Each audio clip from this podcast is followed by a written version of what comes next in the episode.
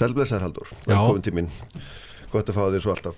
Eh, Ragnar Þór var hérna hjá mig fyrir viku og það er kannski svolítið tilefni af því sem við svona ákvaðum að tala saman eða ég hafði samanduð og, og hérna vildi það til mín en síðan þetta er stort í indi í síðustu viku þegar að drífa Snædal sagði af sér þannig þetta er svona kannski markan og daldi samtalið uh, hjá okkur en sko það sem við horfum framann í núna og, og hérna eru þetta það að það eru einhverju 300 samningar lausir á næstu nýju mánuðum, mm -hmm. þar af einu 150 bara núna þegar í haust, mm -hmm. nála tí mm -hmm. uh, og, og það er hérna, við sjáum að það er hansi harðu tótn í þeim sem virðast vera að ná undir tökunum í verkefliðsæðingunni uh, og hérna og þetta er svona það ástand sem við erum að horfa framann í hækkandi verðbólku vexti og, og allt hvað heitir og er, það er svona óra á öllum sviðum, er svona að segja.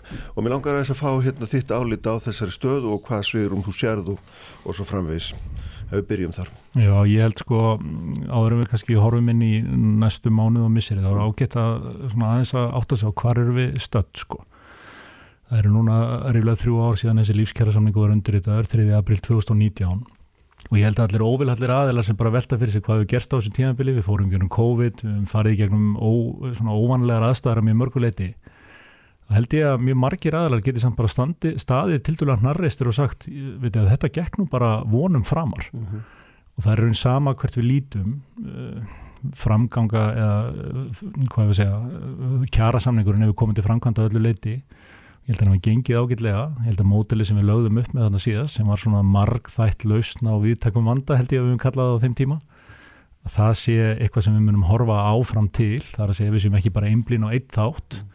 en þeir eru kjara samningar, hvað eru þeir sko? Þeir eru uh, samningar um uppbyggingu samfélagsins og þróun vinnumarkaðar.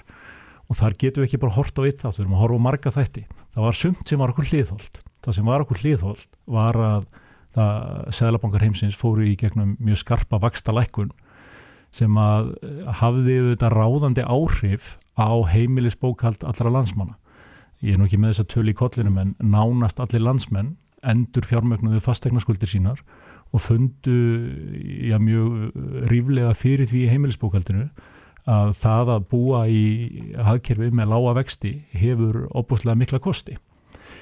Það sem var kannski erfiðara var að COVID og það tímabil sem okkur fannst öllum hundleðilegt skapaði mikinn aðstöðu mun á milli atvinnugreina. Sumar atvinnugreinar eruðu opbúslega hart úti og því miður misti fjöldi fólks vinnuna en við sjáum að í raun þróttur hagkerfisins er meiri en flestir hagfræðingar spáðu svona á fyrstu metrum COVID og við sjáum þetta til dæmis í því að atvinnuleysi er ekki til staða lengur. Við náum ekki að manna þau störf sem að hagkerfi býður upp á og að þvíleitinu til held ég að svona hvernig best orða þetta, að uppsveiflan eftir COVID að hún hafi verið hraðari en við gerum ráð fyrir. Ef við setjum þetta í aðeins lengra samhengi líka og vegna þess að það kom út þessar skýslur sem að Katrín Ólafsdóttir, uh, hagfræðingur og Arnur Sigurkvartsson var að fórsettsar á þeirra að skrifa og við svo sem þekkjum uppróparinnar sem að fóru í gangi já, í tengslu við það. Mm -hmm. Hvað eru þau að gera sko? Við þurfum við öll að lúsleisa þessar skýslur? Nei, sennileg ekki. Það sem þau eru að gera, þau eru að taka hagtölur og reyna að setja eitthvað samhengi bæði Arnur Sigvardsson fyrir um aðstofa selabakastjóri og Katrín Ólafstóttir meðlumir í peningastefnunend og professori eða kennari við Háskólan Reykjavík það þannig ekki að efast um að þau vita hvað þau eru að gera þau kunna að lesa og tólka hátulur og kannski stóra myndin sem að mér finnst svolítið fara að hafa farið fyrir ofangarð og neðan er þessi mikli árangur sem hefur náðust í samfélaginu á sístu tíu árum ég held að mörgum hafi krossbrúðið þegar að Katrín dregur fram í ágættir greiningersinni að kaupmáttur laun á Íslandi hafi vaksið um 55-57% frá árunni 2012 á sama tíma ef kaupmáttur Norrlandunum verða aukast um 20-10% og þetta er enginn smá árangur. Þess að núna er alls konar í orðræðan er mjög kvöss mm. við erum hérna í fyrirluta ágústmánaðar. Kjærasamningar renna út í loka oktober að 1. november og við erum einhvern veginn komin í efsta stig lýsingarorða og hæsta tón áður en að fyrsti fundur um enduníum kjærasamninga fer fram. Það finnst mér vera nýnæmi. Þetta er að færast fyrr en við höfum síð áður. Ég hefði talið svona líklera til þess að leiða þessa flóknu samninga í jörð að maður myndi byrja á aðeins lástendar í nótum og síðan kannski bæta í svona eftir því sem að mm. veturinnum vindur fram. Mm. en auðvitað markast þetta kannski líka því sem þú nefnir hérna að það eru náttúrulega miklar væringar í verkalýsreifingunni sem að ná held ég hámarki núna á síðustu dögum þegar að fórseti ASI segir af sér. Og ég var auðvitað krafin svaraði fjölmjölum hvort þetta hefur komið óvart og allt það. Og ég sagði þetta var ekki ófyrir séð að það myndi sjóða uppur á einhverjum tímapunkti en það held ég að engum hafi duðlist sem fylgist sæmilega með að það hafa verið hjáðningavík innan verkalýsreifingarinnar það eru fylkingar innan verkalýsreifingarinnar sem það var að takast á núna um nokkur ára skeið og þetta er um, svona frammyndan sem við erum að sjá sem er svona afleðing þessa mm -hmm. hvaða áhrif þetta mun síðan hafa á hennar eiginlegu kjærverðaður um, það er að, er að svara því á tvenna, á tvenna vegu sko. annars vegar það að allþýðsambandið hefur ekki farið með samningsumboð uh, við gerð almennara kjærasamninga en það breytir því ekki að allþjóðsambandið eru mikilvægt samtök í þessu þrýlega samtali á milli samtakatunlífsins, ASI og eins og stjórnvalda. Og ég held að við þurfum aðeins að anda með nefnu, sjá hvernig ríkið sest og hvernig eða hvort að þau ná einhvern veginn að róa öldurnar innan alltíðisambandsins innan alltíðisambandsins en þess að þvert á það sem mjög margir halda. Mm. Þá er það ekki hagur samtaka atvinnulífsins að allt sé í háaloft innan, innan hérna, alltíðisambands Íslands, þvert á móti. Það er best fyrir okkur að það sé sterkur og trúverðugur mótaðili í alltíðisambandinu og þess vegna er ég mjög hugsið yfir þessu já, þróun sem er að byrtast okkur núna þessum tugum mm -hmm. Sko þegar maður hérna les ykkar skrif á samtökum aðanlýfsins vitna hérna beint í besta niðurstaða næstu kjæralótu var í framlengin kjærasamningana 330 sem fær, mm -hmm. ífælust hófstilt að launahökkanir mm -hmm. uh, á einum stað segiði svigrúmið er fjögurprústa jafnaði Já, það er svona það sem við gengið út fyrir langan tíma já, sko. Já, og hérna og þannig að þið eru búin að gefa þarna mjög skýran tón myndi ég segja mm. sem að uh, hérna vantarlega er svona ykkar ykkar afstæða til næstu uh, hérna þið talið um þessar hóstildu launahækkanir, þið talið um hérna fáar en markvísar aðgýrðir ríkisvaldsins í tengslum í kjærasamningana og framvegs og framvegs og í raun og veru launabreitingar og samningstíðanbrunni eru þið engum í formi launaskriðstryggingar um saminu launatesta. Þetta er, þetta er nú ekki feitt tilbúð held ég í, augum, í eirum þeirra sem að þarna fara fyrir þessum allavega rótakari armi. Já en ég, sko það er eins og þannig að fólk er vil tala þetta í tekna að tala skýrt sko, mm. ég myndi aldrei kalla þetta neitt tilbúð eða dröga tilbúð, við erum einfallega að lýsa þessari svona ytri efnaðslu stöðu sem að markar kjærasamninga. Ég er eins og er ekki komin inn til að segja þér að það sé það eina sem markir kjærasamninga. Kjærasamninga byggja líka á tilfinningum, mm. kjærasamninga byggja líka á pólitík en við verðum allavega að geta verið sammálu um að þegar við horfum á hagfræðilega hluta kjærasamninga mm. Að þar séu mælanlegar stærðir sem við getum dreyið einhverjar álíktanir af. Við höfum áður verið í mjög áþekri stöðu og verum núna. Verðbólka er já, alveg við 10% spárkerar áfyrir að hún muni aukast eitthvað áfram en síðan hjáðina áfram. Það að gera kjærasamning í 10% verðbólgu er afskaplega erfitt bæði fyrir atvinnureikandur og fyrir verkalýsfélagin það eru fáir seguvegarar í slíku umhverfi. Mm. Nún erum við að klíma við já, tvennskona vanda. Það er mikil upplösn út í heimi, fyrsta lagi gegnum COVID sem að uh, allir miklu vandræðum sem aðfanga keðum eins og frættir orði. Og síðan þetta ræðilega stríð í Úkrænu sem er að hafa mjög mikil áhrif og við sjáum að verðbólka er á uppleið allstaðar í heiminum.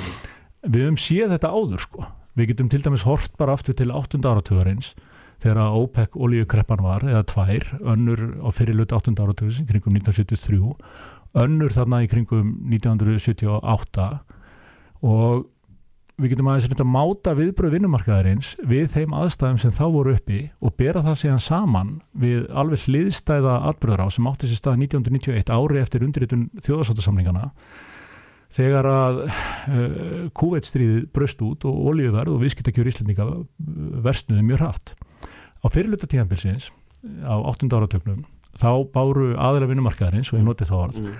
ekki gæfu til þess að horfa fram hjá hækkandi ráfuruverði og fóru að elda það.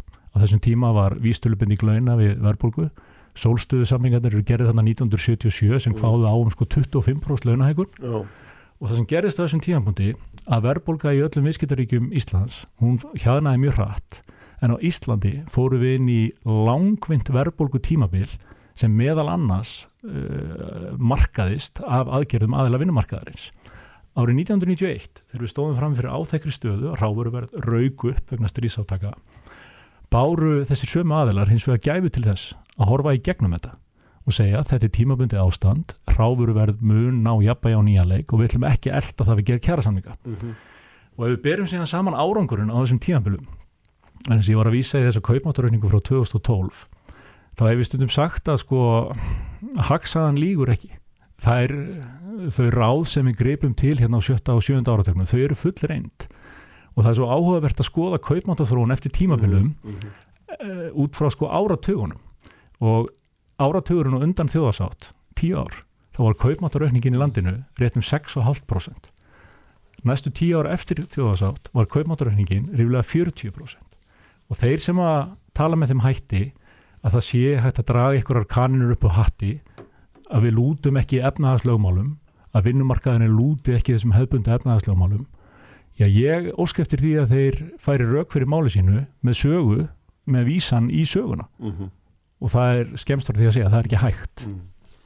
Þannig að þarna ég heyri það hvað þetta að segja sko, en þetta snýst þetta ekki bara um þessa tölur, þetta snýst náttúrulega núna stórum hluta um eitthvað sem að kalla má skiptingu mm -hmm. þar sem að hérna, fólk segir skiptingin er einfallega röng mm -hmm. við erum ekki að deila um hagvörstin og hvað -hmm. við erum að deila um að skiptingin er röng og hvernig svarar þú því vegna þess að það er, það er, hérna, það er og þú, þú sagðir að kjara samningra að þessi snúast að hlutum til að um það að móta einhvers konar samfélagsgerð Já. og þeir gera það mm -hmm. og nú er þessum brökum telt fram eða þessum, mm -hmm. þessari skoðum telt fram Já, skiptingin sé einfallega raun það kom ekki nóg í hlut vinnandi fólks mm og mikið í hlut til dæmis mhm. fjármars eigenda eða, mhm. eða eitthvað þess að Já, þetta er held ég það sem að pólitikinn kallar sígræn umræða og við getum Um, ég var náttúrulega að hlusta á þetta og eins og að tekið þátt í þessi mm. halvun áratöðu að svo að ræða þetta og það er mér bæði bara ljúft og skilt að fjallum þetta sko.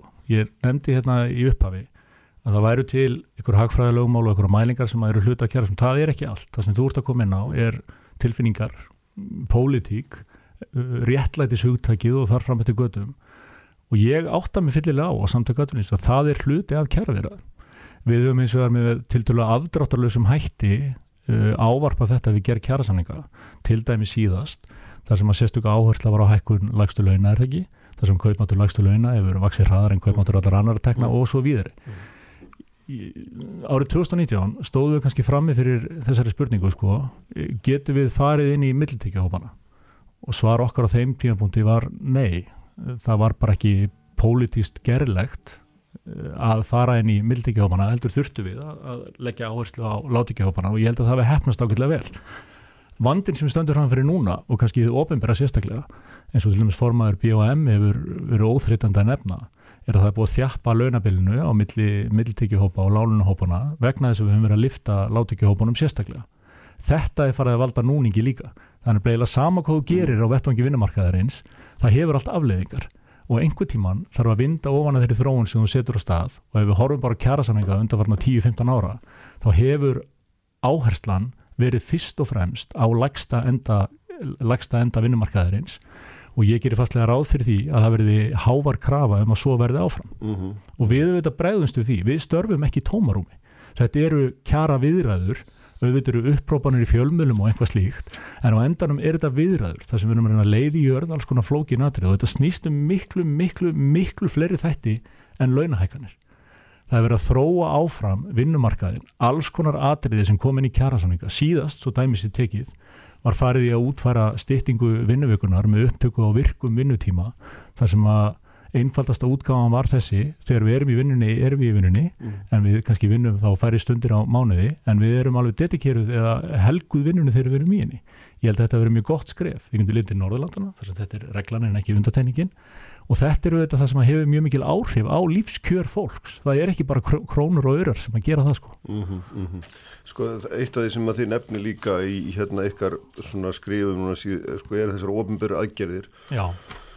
og hérna sko og ábyrga efnarstjórna halvur ríkisins. Sem ég langar til þess að fá þess að segja mér aðeins hvað er það nákvæmlega sem þú vilt að þið ofnbæra að gera, hvað á þið ofnbæra að gera núna til þess að sem við hefum heyrt fjármálur á það nýveri segja sem er líka klassist þessar umræð mm. aðeinar vinnumarkaðins þessi frægur þeir verða sjálfur að semja og það er ekki okkar og svo framvegis. Ég meina þið, þið kallið eftir einhverjum hérna, ofnbærum aðgerðum hefur fáum reyndar en markvissum. Hvað er það nákvæmlega sem að, að hver er nákvæmlega þín skil að búa til yfirvalda vegna ég held að þau gerir sér grein fyrir því að þau verða að koma að þessu. Já, sko ef við aftur skoðum aðeins sjögun og förum bara alveg aftur til þjóðsáttar til dagsins í dag á hundavaði Já, þá sjáum já. við að aðgerið ríkistjórnarinnar í, við frágang kjærasamninga hafa farið mjög vaksandi í fjölda á undanfjöldum áratugum.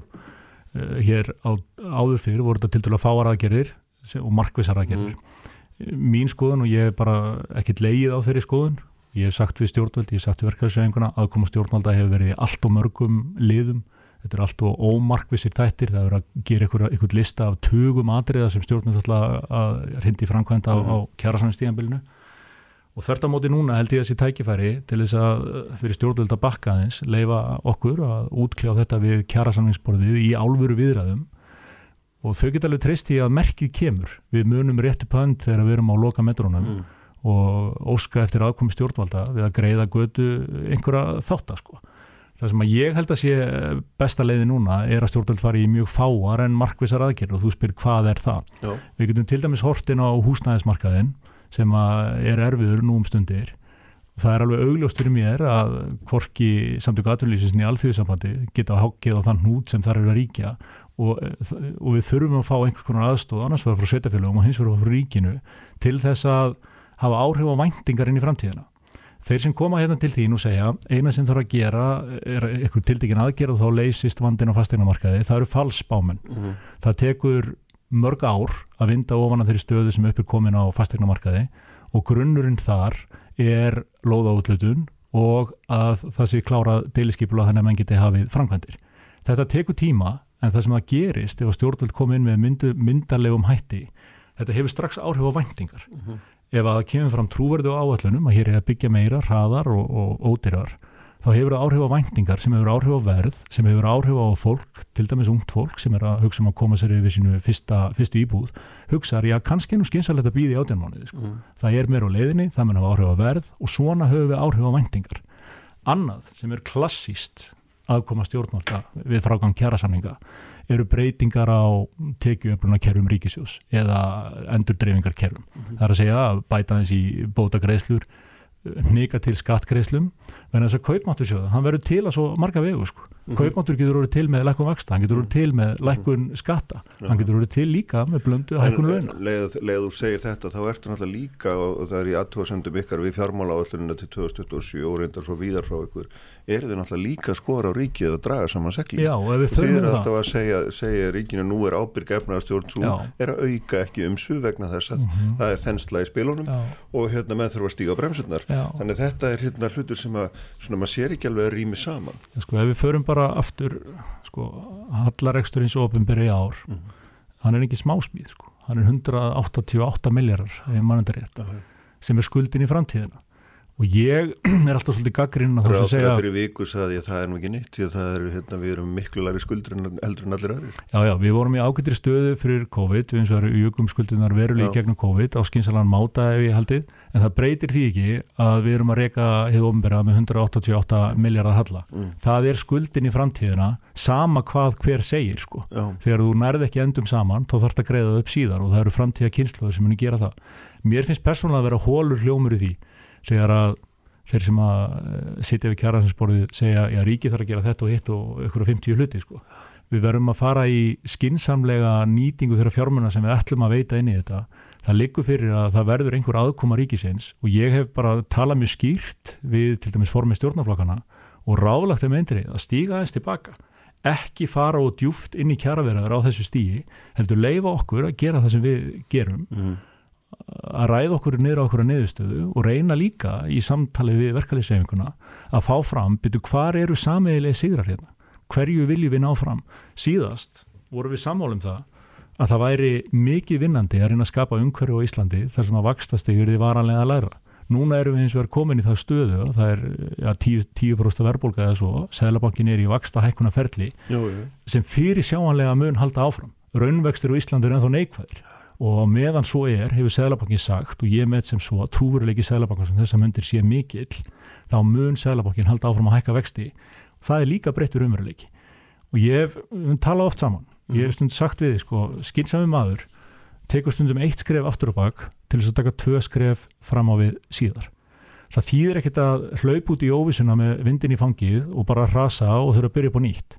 Það hefur gengið velinn á undanfjörðum árum og ég held að það séu, eða ég fullir því að það séu skilir því fyrir frekari innveðafjárfestingu fyrir fjárfestingu atvinnum við hana mm. til þess að skapa næsta hágastarskeið sem getur orðið mjög kröftugt hérna á næstu árum en það breytir því ekki að við getum ekki alltaf sótt fram eða verkefliðsvegingin af sama offorsi það hlýtur að vera þannig að stundum séu góðtækifæri til þess og stundum séu það eins verri. Það að fara í mikið vopnaskak í 10-12% verðbólgu mm -hmm. er mjög óskinsamlegt með vísan bara í söguna. Það sem væri skinsamlegt væri ef aðalega vinnumarkaðarins og stjórnvöld og, og bara allir myndur ná samanum, heyrði, við skulum leggjast hérna á áraðnar í því augnamiði að ná verðbólgunni niður að hveða hann í kúting. Hvernig gerir þið það? Þannig að það er allt annað mál. Mm. Ég, aftur, hluta af þessir innflutt, já. hluta af þessir fastegnumarkaður það eru óræk merki þess að fastegnumarkaðurinn sé að kóluna þess mun sjá stað mjög hratt í verðbólkutölum.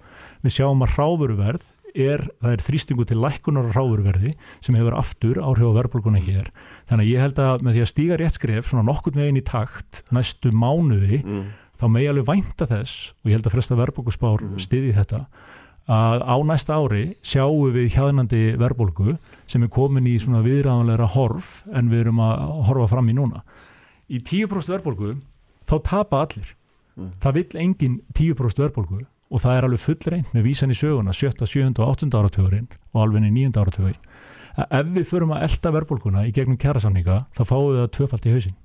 En hvaða, bara loka spurningi, minna, sko Hvernig sér þetta samtal þróast? Það er nú, það er nú eitt að hérna, þetta þrýlega samtala ASI og SA og ríkisins er eitt en síðan eru náttúrulega það, þannig að stjættafélagin eru hvert um sig með sjálfstætt samning sem bóði sjálfu sér. En ASI gerir ekki samninga fyrir neitt. Það er Nei. þó við höldum það gerðnana því að þeir sitja, fulltrúið þeirra sitja við borðið í lokinu þá er það ekki þannig. Nei. Og hérna, þannig að það er, það er eitt en síðan er náttúrulega bara þessi olga sem við erum að lýsa, ég meina, að þú ert bara heðalögur, sér þið fyrir þið bara svona tröst og gott samtal, hóflegt eða, eða hvað hva, hva sér þið fyrir þennan? Stundum er ágætt að segja, ég, veistu, ég veit það bara ekki. Og ég held að það sé staða núna, ég held að margir sé að klóra sér í kollinum hvernig þetta muni lenda. Aftur ef við horfum á hvernig þetta gekk fram síðast á mynduðist þarna blokki, landsbygðin var einn blokk, það er að segja SGS félagin út á landi síðan vorum við með yðnaðamennina, síðan vorum við með samflót, uh, vaffer, verkefælisfélag Akranes og eblingar sem síðan uh, tvístraðist og allt þetta sko. Þannig að ég ætla bara, ég ætla að segja við þið núna sko, fæst orð minnst ábyrða svo stöttu. Já. Það sem ég get eins og að sagt við þið með fullir vissu Já.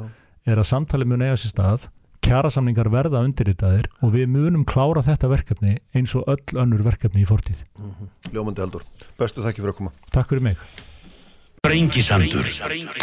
Á bylgjunni. Sprengisandur, alla sunnudaga á bylgjunni. Sælinslustundur eftir uh, Haldur Bærjami Þorbilsson, frangarstöður Sandeka Atvinnulífsins er farin frá mér, Guðrún Smitt sérfræðingu frá landvönd, verður hér í lók þáttarallu var aðeins hugtæk sem kallast tólmarka dagur jarðar. Uh, fórvittnast um hvað það er fyrir nokkuð og, og hvernig mann finna út hvena sá dagur ársins er. Hann verður hérna líka en Ásker Haraldsson sem er barnalækningsprófessor, þá ætlum við að halda orðum umræði hér um um landsbítanan sem ég hef verið að ræða eins síðustu tvær vikurnar.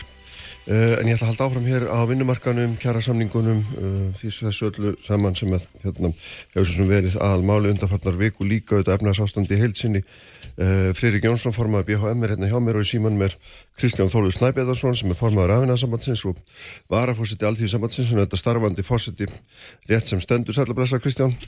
Já, sæl Sæl og sæl Fririk og velkomin. Takk. Uh, Hvernig er eiginlega staðan, Kristján, hérna hjá allþjóði sambandur? Þú ert starfandi fórseti uh, í sumar þá tilkynnti Ragnar sem hefur nú kannski farið svolítið fyrir þessum svona órulega hópi að vaðferð var ég eftir að segja sér úr allþjóði sambandinu, þetta geng ekki hvernig þetta var í samstarfi, var í lélegt og, hérna, og svo hefum við heyrt náttúrulega formen uh, annara stóra félag að tala um að þeir hafi ánúan aðganga upplýsingum uh, og svo framvegis hérna, samstarfi sér styrt, áhersluðna séu ólíkar uh, fráfarandi eða fyrirverandi fórseti hafi hallað sér of mikið upp af mittilteki fólki, ekki horta lánunni fólki og svo framvegis, ég meina þú ert núna starfandi fórseti, er þetta, er þetta, er þetta rétt lýsing á stöðunni innan verkefliðsröðingarinnar? Já, það er náttúrulega staðan eru þetta eins og, eins og svo sem hefur ekkert farið fram í neinum að þá er, hafa verið miklu væringar innan okkar aða og, og uh, breytist náttúrulega tölvöld mikið núna í síðustu viku þegar, þegar uh, Drífa segir af sér sem fórsetið. Uh, það eru þetta bara þannig að það eru hellingsverkefni framöndan hjá okkur innan alþjóðsambandins, innan þessar fórustu sem að leiðir sambandið að uh, fara svolítið yfir, yfir þessa stöðu og finna leiðir til þess að hérna, þétta ræðarnar miklu betur. Við þurfum að taka samtalið og, og hérna, finna leiðirnar til þess að, að hérna, bara efla okkur og fara yfir eins og þætti og það er alveg ljóst að, að það er töluvert sem við þurfum að vinna í bara til þess að ná þessu fram. Það er alveg klálega þannig. Getur útskýrt hvað töluvert er? Hva, hvað er það nákvæmlega? Hvað er nákvæmlega Já. það sem að deilt er um? Já, það er auðvitað bara, hú, ég held að það hafi nú alveg séð og heilt það sem að hefur verið fjallað um að undarfjörnum. Ehm, það sem að, svona, frá mínum bæjarinn síðan, þá, þá held ég uh, að við finnum svolítið að fara að horfa fram á við og finna hvernig við uh, náum að, að uh, samþætta og bara styrkja hópin í heilsinni. Uh, við þurfum að, hú veist, í svona verkefliðsmálum þá eru þetta alltaf þannig að það eru bara sterk skoðanaskipti á millega aðla og við þurfum að klálega halda því áfram að veist, tala saman og finna leiðirnar uh, til þess að gæta hagsmuna okkar félagsmanna. Áherslur mismyndu hópa eru þetta bara misjafnar og og hérna, það er eitthvað sem við þurfum að vinna með, þurfum að reyna að finna leiðina til þess að e, starfa saman þegar þörf er á og ég held að það sé bara það sem að þurfum við að fara í núna að, að rýna þetta svolítið. Mm. Hvað, hérna, hvernig líst þér á þessu stöðu frýri? Hvernig lest þú í þetta sem fásarsmaður eins að stærstu stjættafélagunum í, í landinu? Ég, eh, svona, ég þetta hryggir mig bara, ég seg, segi það, það er þetta, þegar að svona væringar verða og, og hafa svona kannski ásýnd þess að vera meira persónulegar heldur nefnislegar og er að Kristján á, á svona sjálfurgreinlega erfitt með að festa aðeins fingur á það hvaða er efnislega sem að deilu snúaðum en ég hef vissulega ágjör að því þegar að fórustu fólk uh, eins og innan alltíðu sambansins talar um það að það sé á móti skýslugerðum og rannsóknum. Uh, ég hef mitt talið akkurat væri mjög mikilvægt sérstaklega núna þegar áskorunar eru jú, sumt eins og Haldur Benjamin var að benda hér á hjá þér áðan, sumt ekki við sögulega en, en sumt mjög óvunlegt að því betur sem við getum greint og, og, og, og skilið e, það sem er að gerast í efnæðslífinu því betra mm. e, fyrir alla. Þannig ég vona sjálfsögðu að allt því sambandi finni sinn takt og finni samstöðuna e, til þess að vinna það mikilvæga verkefni sem þau hafa framöndan. Bandalega háskólumann er náttúrulega ennþá Eh, að meiri hluta á ofinbjörnum markaði en eh, vaksandi á almennamarkaðnum eh, þannig að það skiptir okkur að sjálfsögðu verulegu máli að alltíðursambandið og aldarfélög þess að þeim gangi fljótt og vel að, að ná samningum við uh, samtök 18. af því að hefðin hefur verið svo að, að, að þau leiði og við komum síðan í kjálfarið mm. uh, ef að þau ráð ekki við það verkefni uh, og það er sínilegt að þau mun ekki ráða við það verkefni þá verður við náttúrulega kannski að endurum þetta svolítið hvernig við ætlum að nálgast verkefni vetranis því að það er ekki hægt fyrir okkur að setja uh, hljóð á uh, hliðalínunni uh, ef að ef þau ráða ekki við verkefni af því að emmitt akkurat eins og Haldur Benjamin kom inn á, inn á myndi okkur á þeir út í 10% pluss verðbólgu umhverfi Ég ger ráð fyrir því að verðbólkutölunar í þessum mánuði verði fari yfir 10% og jáfnvel yfir 11% mm. fyrir okkur sem erum ekki með lausa samninga fyrir enn í uh, þannig að það verða konir 15 mánuðir frá síðustu samningsbundu launahækkun. Uh, þannig að uh, við verðum þá komin í kjararýtnum bara út frá launatöflunum. Í ykkur staðir á bylinu 12-15% er að samningar enn út. Uh, það er ekki góðu staður að byrja á. Og ennþá síður að þetta að fara að dragast vonur viti eitthvað langt fram með haustu munum þegar lífskjara samningarnir voru gerðir. Og þeir samningar í raun stiltu öðrum bandalugum og öðrum svolítið uppi vegg þar var búið til mjög stíft, uh, stífur rammi sem aðrir voru neitt neittir til að fylgja meira að minna. Og það var allt í lagi. Við vorum að til í þetta áttak sem þeim fylgdi með áherslu og lægstu lögnu og það voru til í það. En hérna, en það tók 6-12 mánuði að klára lífskjara samningarna hjá öllum og í raun og veru kláruðust ekki heldur þess að síðustu samningar sem gerðir voru og grönli lífskjara samningarna voru bara gerðir núna í síðastlinn janúar februar sem voru samninga við kennara.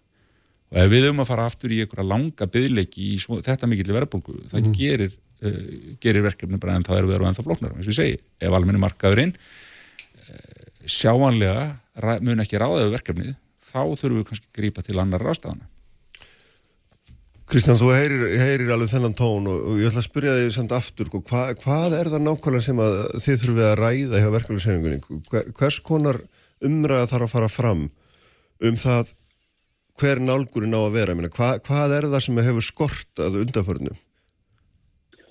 Já, það er þetta eins og, eins og vitið að þá hafa bara verið sterk skoðanaskipti og það hefur verið ágreiningur um svona þær stefnur sem að Eh, er verið að fara á hverjum tíma fyrir sig. Eh, þannig að það eru þetta það sem að það hefur að mínu viti skort svolítið upp á, upp á samtalið inn á því hjá okkur að fara yfir þá stöðu sem er fyrir. Eh, mér langar aðeins hérna þess að bregðast við sem að Fredrik segir um, um stöðu kjæraverðana og, og þessa stöðu sem að uh, eru þetta uppi. Ég meina, vissulega þá er það, hefur það yðurlega tekið tölvöran tíma endur nýja kjærasamlinga. Eh, það eru þetta alltaf auðvelt að koma sérn í kjölfarið og, og hérna þeir eru búið að hefja þessa lótu að, taka þá upp það sem að búið er að semja um. Eh, það hins vegar er þannig að, að hérna, það þarf verið að gefa sér þennan tíma. Nú er líka verið að tala um samsagt hvernig hérna félögin og þetta, þetta ferðli allir uppbyggt hjá okkur. Það eru þetta bara þannig að við þurfum, og öll félöginn þurfum að fara inn á við, þurfum að móta sínar klöfugjariðir og fara í þetta samlingaferðli við, uh, við semdur okkar. Það sem síðan tekur við þetta, ef, að, ef að við náum ekki uh, árangur í þessum viðræðin sem að framöndan eru, að þá munu aðlar að sjálfsögðu þurfa að beita krafti sínum til þess að, að hérna, e, ná því fram sem að þau telja sig þurfa og vilja á hverjum tíma. Þetta ferli, það er bara þannig að það tekur tíma og þetta auðvitað má ekki dragast úr hófi af því að það er bara á kostnað okkar ef, ef það gerist. En, en hérna, ég held að það sé bara mjög brínt að, að aðilar fari í þetta ferlið, taki samtalið. Og ég held að staðan hafi sjaldan verið í flókin e, þegar maður horfur á heildamindina sögum þess að ytri aðstæður eru, eru flóknar, það verðum að búa með þetta við háa verðbólku eins og, hefur komið fram. Það hafi verið miklar verðhækkanir sem að dinja á heimilum landsins uh, og eru þetta tekið úr vasvakar. Þetta er eitthvað sem að þarf að bregðast við með kjærasamningunum og, og Þannig að þú ætlar að fara þvert á það sem Haldur var að segja áðan og sækja eða horfa á verðbólkunni aftur í tíman Já, það myndi vera þitt svar eða hvað?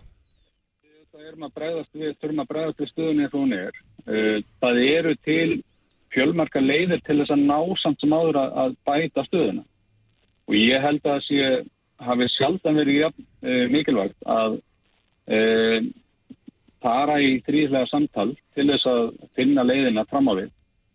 Sjökuðum þess að að það þarf að hérna, bæta stöðuna og það er, það er ekki, og það er alveg rétt sem að Haldur kom inn á áðan að e, það er ekkert allt hægt e, við sem sagt á aðlar vinnumarkaðarins geta ekki náð öllu fram sem að e, til að breyðast þeirri stöðu sem er upp í dag.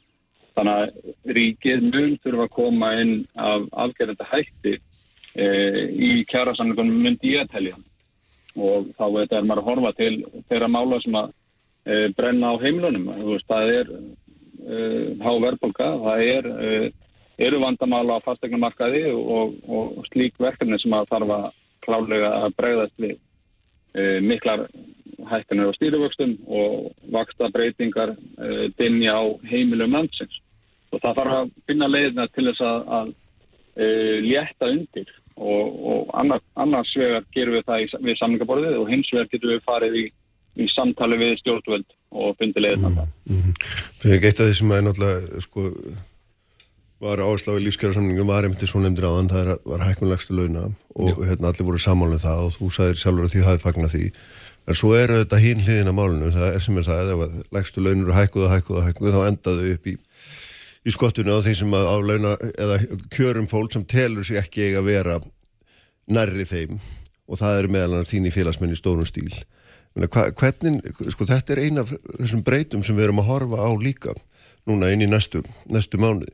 Já, vissulega, vissulega, vissulega. Og við mögum heldur ekki gleyma því að af því að við erum með sko laununur eitt og síðan eru millifæslu kerfin annað að leiða út komin upp í hérna ákannar millitekjur og millitekjur og efri millitekjuhópa uh, að þá eru sem greiða já, upp undir 70% uh, af skattekjum tala ekki um ef við tökum hérna tryggingagjaldið þeir inn í vinna þess að tryggingagjaldið er ekkit annað heldur en skattur og vinnuafl.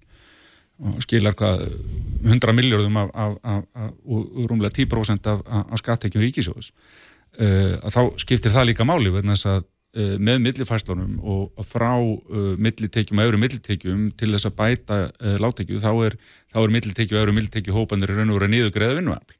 Þá má taka það Eh, það er líka að taka það sjónum með þannig að þetta skiptir allt miklu máli og þú þarf líka eh, þegar þú ert í e, með háskólamöntunum og við verum að hafa þar líka í huga að, að mjög stór hópur og einmitt háskólamentara er mikið af, af hérna, stórum kvenlegum stjættum það sem að konur hafa verið meiri hluta e, þar sem launin eru ekki í samramið þær mentunar og ábyrðarkröfu sem við erum að gera. Við þurfum að, við þurfum að ná þarna ákveðnu réttlæti ákveðnu lagfæringum ég hef ekki alltaf mikla rávíkjur af hámentuðum og hálaunuðum nema hvað, en, mm. en þú veist það er þessi skekkja svo, uh, mikið innan helbriðis helbriðisgerana tölvert ja, kennarar og, og þess að það í það sem ég er svolítið að líka því ég heyri, heyri í, í, í Kristjáni tala sko, þannig að tala, jú, við þurfum að taka samtala og við þurfum að taka undirbúningin, það er rétt rúmlega tveir og hálf mánuður þá til að kjara samningar á almennu vinnumarkaðir enn út ég ætla mér rétt að vona að þau séu mitt búin að taka þetta einra samtal og, og það er það sem ég var ágjör og ég sá því að starfsgrunnarsambandið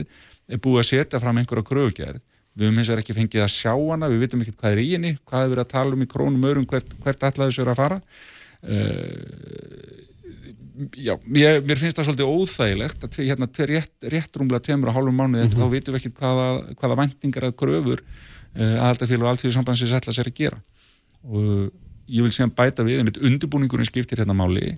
Við þurfum líka að horfa til þess að vinnumarkaðurinn er jú, um 30% er ofinbyrjumarkaðurinn þannig að þegar fjármálar á þeirra sko segir jú þarna þarf, þarf almennumarkar að taka fórustu eða eitthvað með svona liftir höndum eins og þetta nána sig eitthvað sem að hérna, séum við kannski alveg komunum ekki við að þá er það ekki þannig. 30% vinnumarkar er, er ofinbæri markaðurinn. Uh, og hérna já við þurfum svolítið öll að vinna saman og kannski bætið í við líka. Uh, samningsumbúðið er jú vissulega hjá félagunum hlutverk mitt sem formans BOM það er í raun og veru að, að reyna að búa sem mest til uh, já, tækiveri til þess að aðeldarfjölugin hjá mér geti nýtt sér samlýsréttin sin, búa til ekkert samiki þannig að þau, þau geti það. Því lengur sem það dregst því, því verra, þannig að ég er að reyna núna sjálfsögðu, finna alla leiði til þess að við getum talað okkur upp til þess að, að vinna þetta rætt og vel. BOM við hófum okkar undirbúning síðastliðið haust bara strax í óttobur og síðast ári. Höldum að sjálfsögði þegar við vinnum áfram að við viljum vera tilbúin leið og kalli kemur. Hvað er það sem við þurfum að tala en höfum í huga líka að þráttir að samningsréttur liggi hjá einstaka félugum að þú skoðar alla kjara samninga hvað sem er á almennum eða ofnbjörnum vinnumarkaði þá er megin hluti kjara samninga eru upp á einhvers konar saminglu borði líklega 70-80% samninga því einstök félug eru ekki að semja um til dæmis veikindarétt eða orlúsett mm -hmm. við, þannig að við þurfum líka að hafa það í huga meðan við erum að sjálfsögðu félun, uh, eh, aðaldarfélug heildarsandagana eru viðkvæmfyrir og verja sitt fullveldi hvað varða samlingsréttin þá getum við ekki hort á þeirri staðreind mjög mikið hluti er upp á samíðulegu borði og þar skiptir til dæmis aðkoma ríkisins verulegu máli hvað með atvinnulegstrykningar, sjúkratrykningar uh, veikindarétt og svo framvegis -hmm. orlósrétt og svo framvegis. Mm -hmm. Ríkið er þar ekkert stikkri það er hluta vinnumarkarum, setur lög og reglur þannig að auðvitað verður að reyna að taka ekki bara eitthvað þrýhliða samtal, fjórhliða samtal, fimmhliða samtal.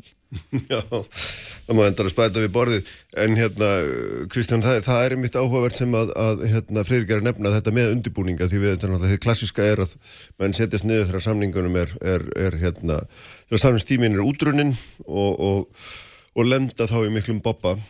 Er, er þið ekki komin eh, neitt áleiðis innan, innan hérna, ykkar raða? Að sjálfsögðu eru eru öll félöginn búin að uh, standa í undirbúningi um mjög langt skeið. Og það, eins og Fredrik talar að það hljómar að eins og að félöginn sé ekki búin að undirbúa sig nei uh, það er auðvitað alls ekki þannig. Og undirbúningur hóst fyrir fleiri, fleiri mánuðum uh, á síðast ári og hjá held ég flestum hópum. Hins vegar náttúrulega er bara augljóst að, að staðan er þannig að, ef að hérna kröfugerðnar hefði verið mótaðar fullkomlega í lok síðast ás að þá hefðu allir aðlar að sjálfsögðu þurft að endur sko að þær, þær þá stuður sem er, er komin upp í dag. Mm. það hef, hefði enginn séð það fyrir uh, hvernig það væri.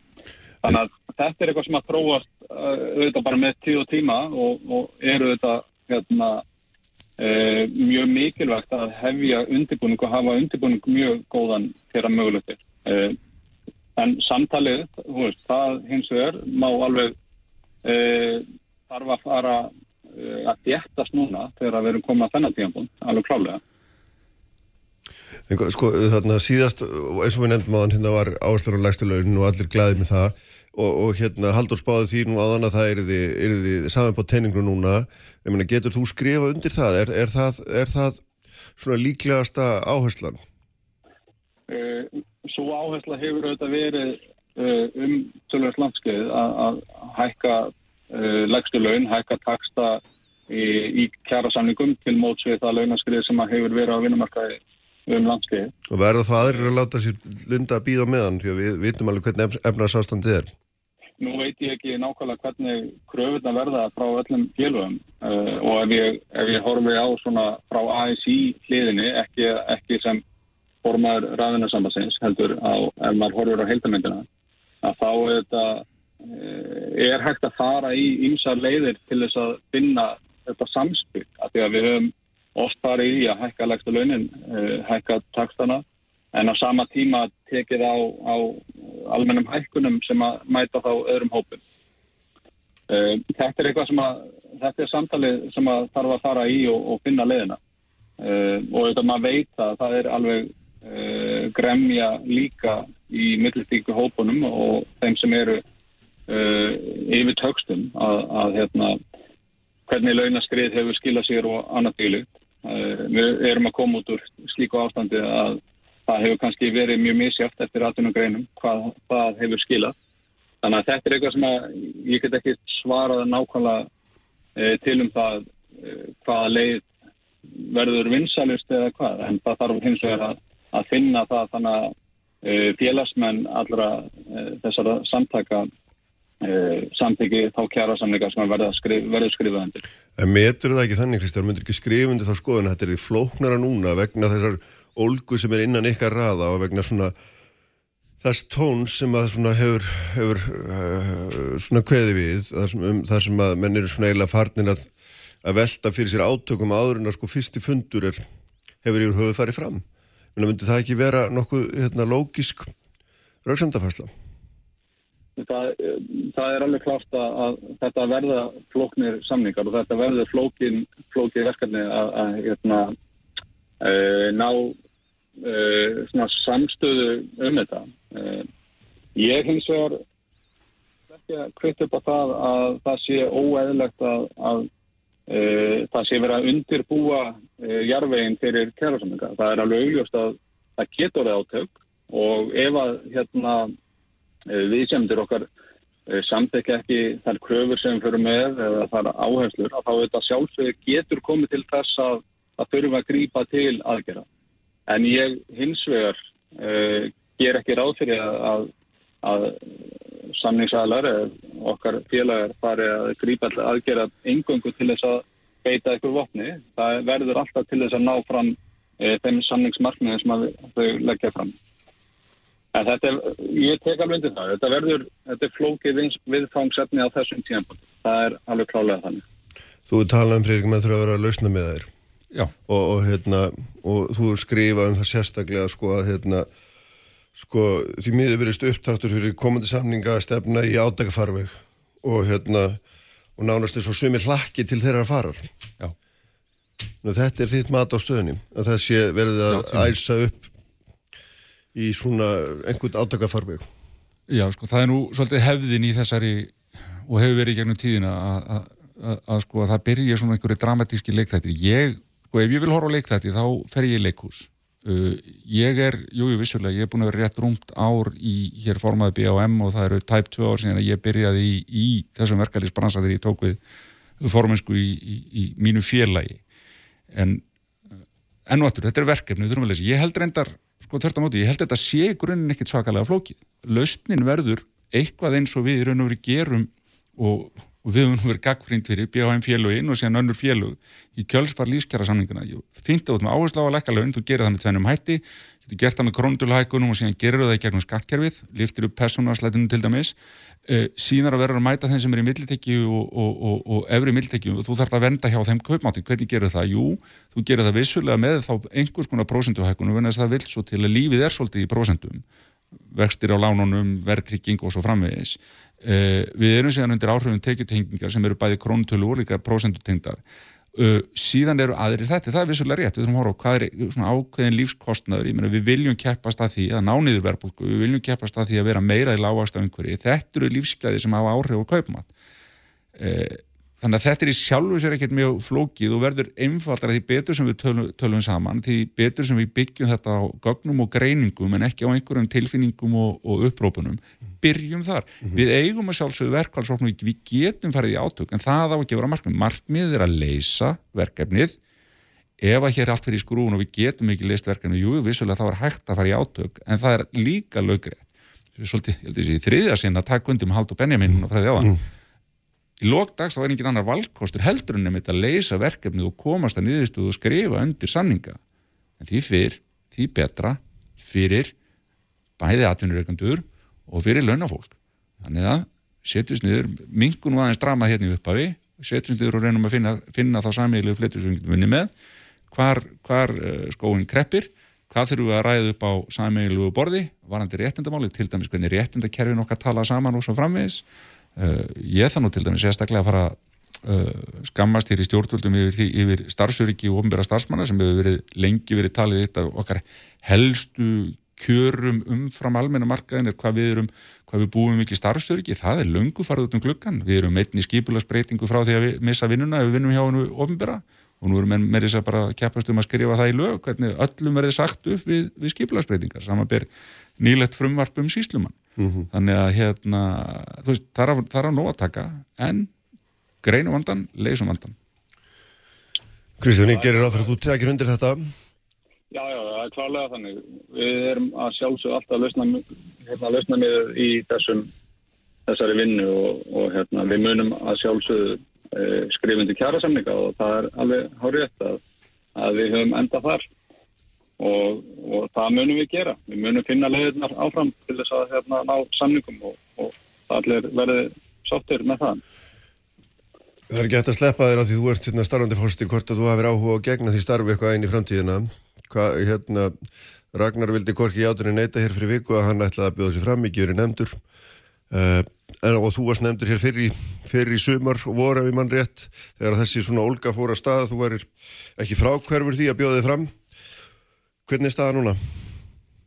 Eh, staðan er núna náttúrulega eins og segi, þetta, þetta, hún breytist tölvöld fljótt uh, í vikunni Ég hef ekki gert upp hugminn hvað maður mun gera uh, þegar að þinga þessi fer fram sem er núna eftir tæpa tvo mánu. Uh, ég held að verkefni núna sé náttúrulega bara að reyna að halda þessu gangandi og komast áfram og maður þarf síðan að meta það í kjölfari bara hvernig staðan verður á þeim tímpundi. Þetta er eitthvað sem maður þarf bara að skoða mjög vandlega. Þannig að ég er eftir búin að taka neina ákvörðun um það. En telur þú, Kristján, að það verður mingir breyting einhvern veginn á svona yfirbræði alþjóðu sambandsins uh, frá því sem verið hefur? það, það er bara, ég held að það verði ekkert rosalega mikil breyting á sambandinu. Þetta er náttúrulega, uh, við þurfum þetta að halda En ef að óana í hópanin kemst til, til valda sem að hérna, allt, getur, allt bendir til augnablíkinu eða minnst veist er ekki ólíklegt mm, mm.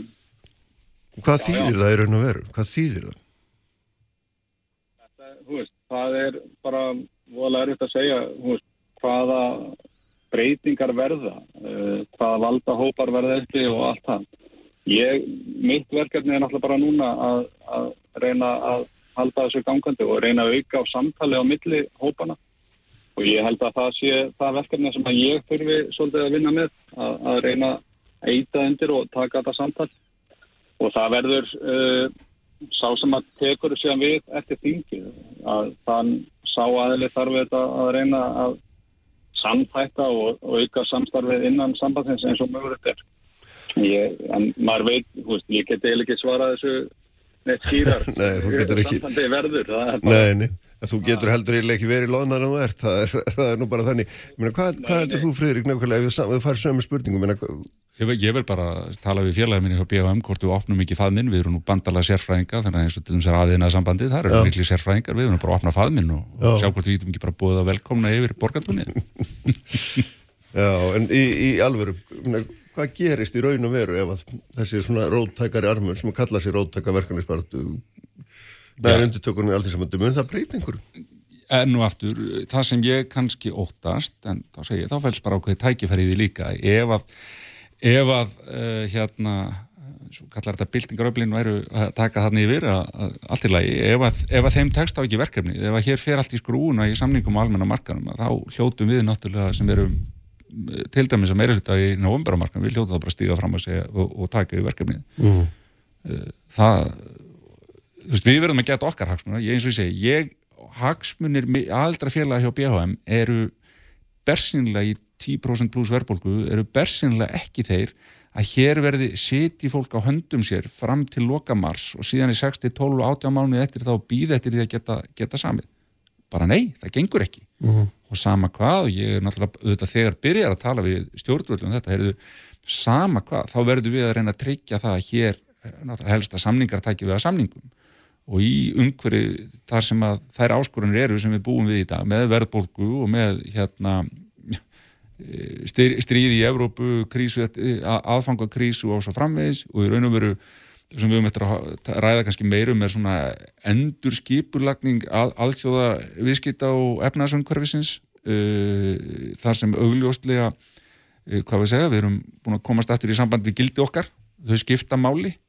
Þú bara vestlar ekki hvað sem er, hvað sem er bara, bara að, því það, að því það er besti dýlin að þú kannski hugsa um afliðingar þess uh, svona viðtakar mm.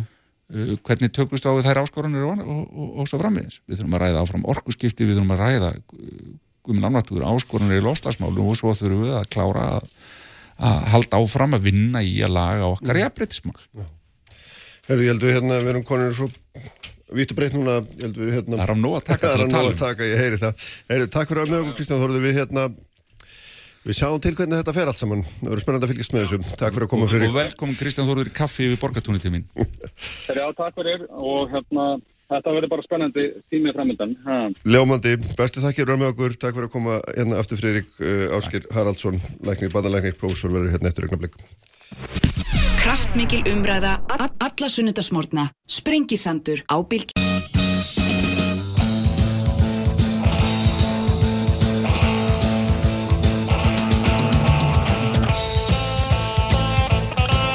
Sæli hlustendur áttur, uh, þeir eru farnið frá mig Kristján Þorður Snæbjörnarsson, starfandi fórseti Alþjóðsambandsins og Freyri Gjónsson, formadur BHM, uh, eftir umræðar hér um svona uh, eða upptakt þess haust sem okkur býður svona á þessum vinnumarka þeim, þeim hérna, átökum öllum sem það eru framöndan eða með svo sem viðraðum skulu orðað sem ekki búið til átök fyrirfram.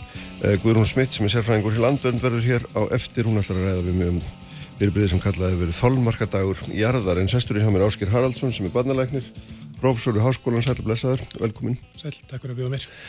Uh, ég er búin að tala hérna síðustu tæru vikur við kollegaðina, fyrst Björn Sóika og svo Magnús Karl Magnússon um, um landsbítalan og þetta er nú klassist umræðöfni í, í íslenski þjóðmálaumræðu þetta stærsta fyrirtæki okkar og mörguleiti kannski það mikilvægasta líka og þú hefur hérna oft tjáðið um þetta og, og hérna aðeins kannski frá öðrum vinkli núna sem er áhugaverður í þessu samingi þannig að við erum alltaf mikið að tala um landsbítalan sem hvað kostar hann, hvað framleiðir hann er hægt að gera betur og svona. Þú vilt horfa á þetta eins öðruvísi, að hugsa um þetta meira sem þekkingafyrirtæki uh, hérna, horfa á rannsóknar og þróun og svona. Og, og, og þann hluta sem mikilvæg þátt í þessum þessari starfsemi og hvort að hann hafi verið fyrir borðbórin á, á síðust árum. Já, það, það er uh, Sáls ekki bara ég þetta eru svona, við erum okkur félagar og kollegar sem hefur verið að ræða þetta í mittar á þessu sjónarhóðni umræðan er mitt um landsbytalan er oft eins og, eins og hansi framleiðslu fyrirtæki eða flutningafyrirtæki. Mm. og þetta er mjög bagalegt og, og önugt því að sjúklingar er ekki vörur og sjúklingar er ekki gámar. Og framlegslu fyrirtæki eru góð og það eru færibönd og það er sjávarútur og það eru framlegsla álu og ímsett slikt sem er hægt að mæla mjög vel en, en uh, meðferð og sjúklingum er, er öðruvísi. Og stundum er, er mikið rætt um kostnað við landsbytlan og þá er stundum talað um þetta eins og einhvers svona, einhvers svona rekstrar einingu og stundum sem ég finnst mjög erfitt að hlusta á stundum er talað um tap á landsbítalanum þegar landsbítalan fyrir fram úr fjár heimildum þá finnst mér rétt að nefna að, að eh, landsbítalin er held ég allir, allir sem sammálum það mesta gróða fyrirtæki í Íslandi þó að gróðun sé ekki mældur í, krónum og aurum eins og mm. hjá öðrum fyrirtækjum þannig að við erum ekki heldur ekstra félag svo eru fyrirtæki sem eru þjónustu fyrirtæki það geta verið, verið uh, í ferðamanna innaði og svo framvegis og svo eru þekkingafyrirtæki sem eru skólanir, háskólinn, íslenska eðagreining og svo framvegis og, og svo er það svona blanda þessu. Hugsaðan fyrirtæki eins og til dæmis Össur eða, eða Marel, þá er þetta framlegslu fyrirtæki en framlegslan er byggð á miklum rannsóknum og mikillir þekkingu sem þeir hafa byggt upp á árum ára tögum með ótrúlega glæsleiri rannsóknarvinu. Frá mínu bæjartinu séð er landsbyttalinn að sjálfsögð þjónustu fyrirtæki og eigum að vera það og eigum að vera alltaf til þjónustu reyðbúin en þessi þjónusta er byggð á mikill þekkingu og hún verður að vera byggð á nýjustu, bestu staðreindri þekkingu sem er til staði í heiminum. Við viljum ekki nota gamla hlutana þannig að landsbyttalinn er þjónustu og þekkingafyrirtæki og við eigum að ræðum að þannig auðvitað á hann að vera vel reygin og auðvitað á hann að vera, eh, vera eh, skinsamlega reygin og, og, og, og skila góðum árangur og vinna rætt og vel. Það, það, það gefur, gefur auðarleið. Ef við maður hugsaum hann sem þjónustu fyrirtæki við íslenska þjóð og sem þekkingafyrirtæki sem nota nýjust og bestu þekkingu. Og þetta síðasta atrið það mm. Er á verlundur höggasækja undanfarinn kildur sín 20 ár. Hvernig hefur það byrst? Það er einlega býst þannig uh, auðvitað endur speklar þetta allt daldið fjárveitingar til spítalans og, og þær eru flóknar, þetta er gríðar stór vinnustöður og gríðar flókin vinnustöður. Uh, það var grein í vísmyndingu kjarnars í fyrra, fyrir haust, eftir prófs og gilva sóega og hann skoðaði fjárveitinga til aðspítalans frá því frá aldamótum og til og með 2019 og hann tók tillit til fjölguna þjóðarinnar, nýra verkefna sem að landsbygðan hefur tekið að sér og svo framins og þá sjáum við á þessum fjárvettingum að þau vissulega hrinja í, hruninu eins og við erum að búast. Þó svo að stjórnvöld hafi sett auka fjármunni inn í landsbygðan undanfjörnum árum þá erum við ennþá svipuðu stað og vorum uh, eftir hrunið að tekna tilliti til aukins fjölda, öldruna þjóðarinnar og nýra verkefna. Þannig að fjárveitingarnar eru verulega knappar. Mm -hmm. Það voru þetta skiljanlegt að til skamstíma þá verða mann að spara eins og við geta og þá verða ofta rannsóknindar út undan. Það er mjög alvarlegt og það var líka grein í vísmyndingu kjarnans eftir Brósó Magnús Skottfriðsson fyrir fáum mánuðum og þar kemur fram að uh, landsbyrð sem háskólasjúkurús er borin saman við nokkur háskólusjókurus á Norðurlandum og um aldamótin þá stóðu okkur bara mjög vel. Og þetta er metið á gæði, gæðum og fjölda byrtra greina, vísinda greina og þá stóðu okkur vel. Við vorum á pari og jáfnvel fyrir ofan e, samanbyrra háskólana Aðrir háskólar á, á Norðundum hafa svona svolítið fikrast upp á við, svolítið mm. batnað, hægt og rólega. Það er ekki bara mingað okkur, það er runið. Runið? Það er alveg runið og, og árangur okkar núna er fyrir neðan um, heims meðaltal. Þannig að uh, línuritið þetta eru, eru mjög sláandi að sjá hvernig við höfum görsalega dreyist aftur í magnu og sérstaklega gæðum vísendagreina. Þrátt fyrir það að á þessum tíma eru mörg okkar og margir okkar í miklu og góðu sambandi við Íslenska eðagreiningu og byrjum greinar með þeim. Ef það, þess nýtt ekki við þá er þetta ennþá vera. Og þetta er, frá mínu sjónarhóli, er þetta mjög alvarlegt. Vegna þess að, að rannsóknir, vísind og rannsóknir leiða til aukina þekkingar. Og aukin þekking leiðir til betri árangus og í heilbyrðiskerfinu er það bætt heilsa og betra líf. Það tekur mörg ára byggja svona þekkingar ferli upp. Þannig að ef við missum að lestinni þá kemur það í bakið á okkur og tekur tíma að, að reysa það við.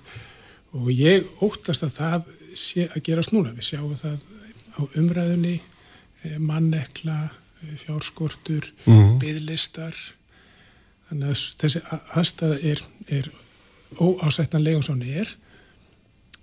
Ég vona, ég var rámt fyrir mér, en ég er ekki alveg patna alveg á næstunni. Nei, en það er líka, þú skrifa grein á kjarnanæmi mitt hérna nýverið þar sem að þú, sem heitir lands, landsbítali háskóla sjúgrós, sem er ekki stort, en það er nefnilega aðtækksverð að þú setur spurningamerki fyrir aftan. Já, ég... Er, er það, hérna, finnst þér það vera spurning hvort að spítali standi undir þessu nafni eða hvað? Eh, ég böglast uh, svolítið með þetta spurningamerki þegar ég setja títil á greinina, ég viðkenni það alveg. En ég held að spurningamerkið sé rétt. Við verðum að spyrja okkur þessari spurningar. En þá er þetta þannig að uh, landsbytalinni, það eru gerðar rannsóknir í samstarfi við meðalans íslenska erðagreiningu og í samstarfi við háskólan og svo framviðis. Samstarf landsbytalans og háskólans hefur því miður gliðnað mjög á síðust árum Þannig að þetta spurningumerki á rétt á sér. Við verðum að spyrja okkur, erum við ennþá háskólasjókur ás? Mm -hmm. Mitt svarið því er já, en eins og þeir eru með svolítið semingi og, og við verðum viskilega að, að taka okkur tak og snúa þessari þróun við. Hvað meinar með þessu þegar glýðna? Hvað hva, hva merkir það nákvæmlega? Já, sko, uppalega þá voru, var mjög gott svona þegar spílararnir voru saman að því. Já það var áttu að búa til landsbytala háskóla sjúkrós og, og þá áttu að styrkja þessa, þessa innviði og það var settar ímsar ákvarðanir til að gera það. Það hefur ekki gengið eftir. Það var sett upp sérstak samstarfsnefnd um, um samstarf háskólas og, og landsbytalans. Hún hefur eiginlega ekki virkað sérstaklega vel. Árum áður þá var það först regla þeir sem voru með ákvæmnar uh, profesorstöður við, háskó, við háskólan voru jafnframt uh, í stjórnættu teimi landsbytalans til þess að reyna að draga inn þekkingu, rannsóknir, nýjungar mm -hmm. og svo framvis. Þetta hefur því miður uh, breyst og er, er miklu óljósara núna því miður. Þannig að, að samstarfið háskóla það hefur því miður, miður svolítið vestnað. Það er ekki allir mátt að sá því að, að, að rannsóknir, þetta er ekki bara eitthvað svona skemmtilegt frísnundaverk. þetta, er bara, þetta er bara ferlega mikið vesen og þetta er ferlega mikið vinna. Já en, en, en rannsóknir í svona fyrirtæki eða stopnun eru bráðnauðsynlegar og það eru kannski fjögur af þeim atriði sem að, sem að útskýra það. Í fyrsta lagi þá eru rannsóknir til þess að auka og bæta þekkingu og við viljum vera að gera þessa rannsóknir til þess að fá nýja þekkingu og vita hvað erum að gera. Og það er gríðarlega mikilvægt. Það eru líka leiði til þess að bæta árangur og meta árangur sem við erum að gera og nota það til að bæta árangur. Í þriðja lagi þá eru verið sínt frá það mjög glögglega fullt af rannsóknum að bara það að gera rannsókn á deildi eða spítala það bætir árangurinn og ástæðin er þá svo að það er ákveðinu verkverðla sem verður að fara eftir það er mjög ákveði skipla sem verður að fara eftir og þeir sem að mm. stýra rannsókninu og eru rannsókninni þeir verða að hafa allra nýjust og bestu þekking á taktinum. Þeir geti ekki verið að gera einhverja rannsókn og vita ekki hvað aðra er að gera, hver, hver stað þekkingar er í dag. Þannig að nýjast á besta, besta uh, þekkingin er þá komin inn á spílaran. og svo í fjörðalagi sem eru þetta líka mjög mikilvægt að rannsóknir eru gríðarlega mikilvægt tæki í kennslu og mentun starfstjæta þannig að ef við draugust aftur úr þessu þá erum við það var hægt því. En þú segir ef, ég menna þú varst að lýsa það að það hefði lengur gerst. Já, höfum dreist aftur í þessu. Ef það gerist það þá freka, þá mingar þessi nýjast og besta þekking svo í minni sem eigum af ennan hús og, og hugsanlega dreyður ég að fann úr, úr gæðum kennslu og mentunar. En er þetta þannig að, að það ekki, það er ekki einhver prósenda af fjárveitingu til ansbítalans áætluð í vísindastarf? Heldur ræðst þetta bara af því hvort að það er til nóg fyrir öll og ef að, ef að, hérna, ef að uh, klíniska starfi fer fram úr áætlun þá þurfa menn, menn það bara skorið niður í, í vísindastarfinu. Er, er, virkar þetta svona? Það virkar þannig og, og ég, ég, ég skil alveg stjórnendur landsbítalans sem að með mjög krappan fjárhag þurfa að skera niður. Þú getur ekki skorið nið, niður í klínisku starfseminni. Þannig að þá liggja rannsónu betur við höggi. Ég skil það ef það gerist 1, 2, 3 ár. Mm. En í 15-20 ár þá er þetta orðið verulega... Þá er þetta orðið stefna. Það er þannig að, að e, e sjúkrós e, í nákvæmlega okkar, Háslöf sjúkrós og Norrlöndum þau eru með þetta nákvæmlega sem þú segir, það er ákveðin hlutvall af uh, fjárhundingu þeirra sem fara beint í rannsókna. Það eru svona algengt það sé svona 3-5%. Mm. Landsbytlan er uh, með innan 1%. Þannig að við erum miklir eftirbátar annara hvað var þessa, þetta hlutvall. Mm -hmm. Og þar við bætist það má svo sem segja að, að landsbytlanin líka eða heilbriðiskerfið á Íslandi e, sé van fjármagnað þó að fjármjörnráðanitið og ymsi stjórnmálumenn vil ekki eh, horfa stegu við það en, en e, á Norðurlöndum þá er, er um 11% af útgjöldum þjóðarinnar fara í heilbíðsmál í, á Íslandi þá rapaði þetta í rauninu nýri 6 komi eitthvað svona smátt og smátt var skora allt upp og núna er rúmlega 8% mm -hmm. við þurfum að hækka það 30% til þess að vera á pari við, við Norðurlönd þannig þannig að það er svolítið svolítið langur vegur af þessu. Já, einmitt. Og þetta er svona, hérna,